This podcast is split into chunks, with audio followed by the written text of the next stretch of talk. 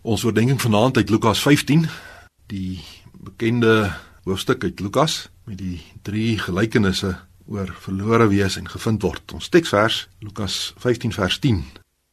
So sê ek vir julle, is daar blydskap voor die engele van God oor een sondaar wat hom bekeer. Tema van die oordenking: vreugde oor elke bekering. Die aanleiding vir hierdie een gelykenis met sy drie dele was die kerkmense se verset teen bekering van sondaars. Lees daaroor in vers 1 en 2. Jesus vertel die gelykenisse uit liefde om die verharde kerkmense hulle eie verlorenheid te laat besef.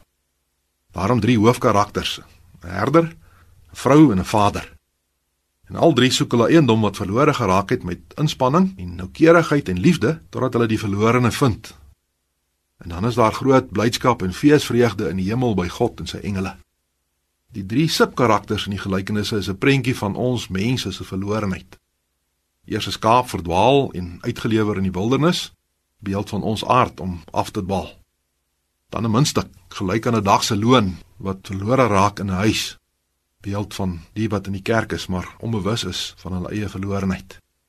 En 'n seun wat wegloop en 'n selfs meer verlore seun wat tuis gebly het beeld van ons eie opstandigheid.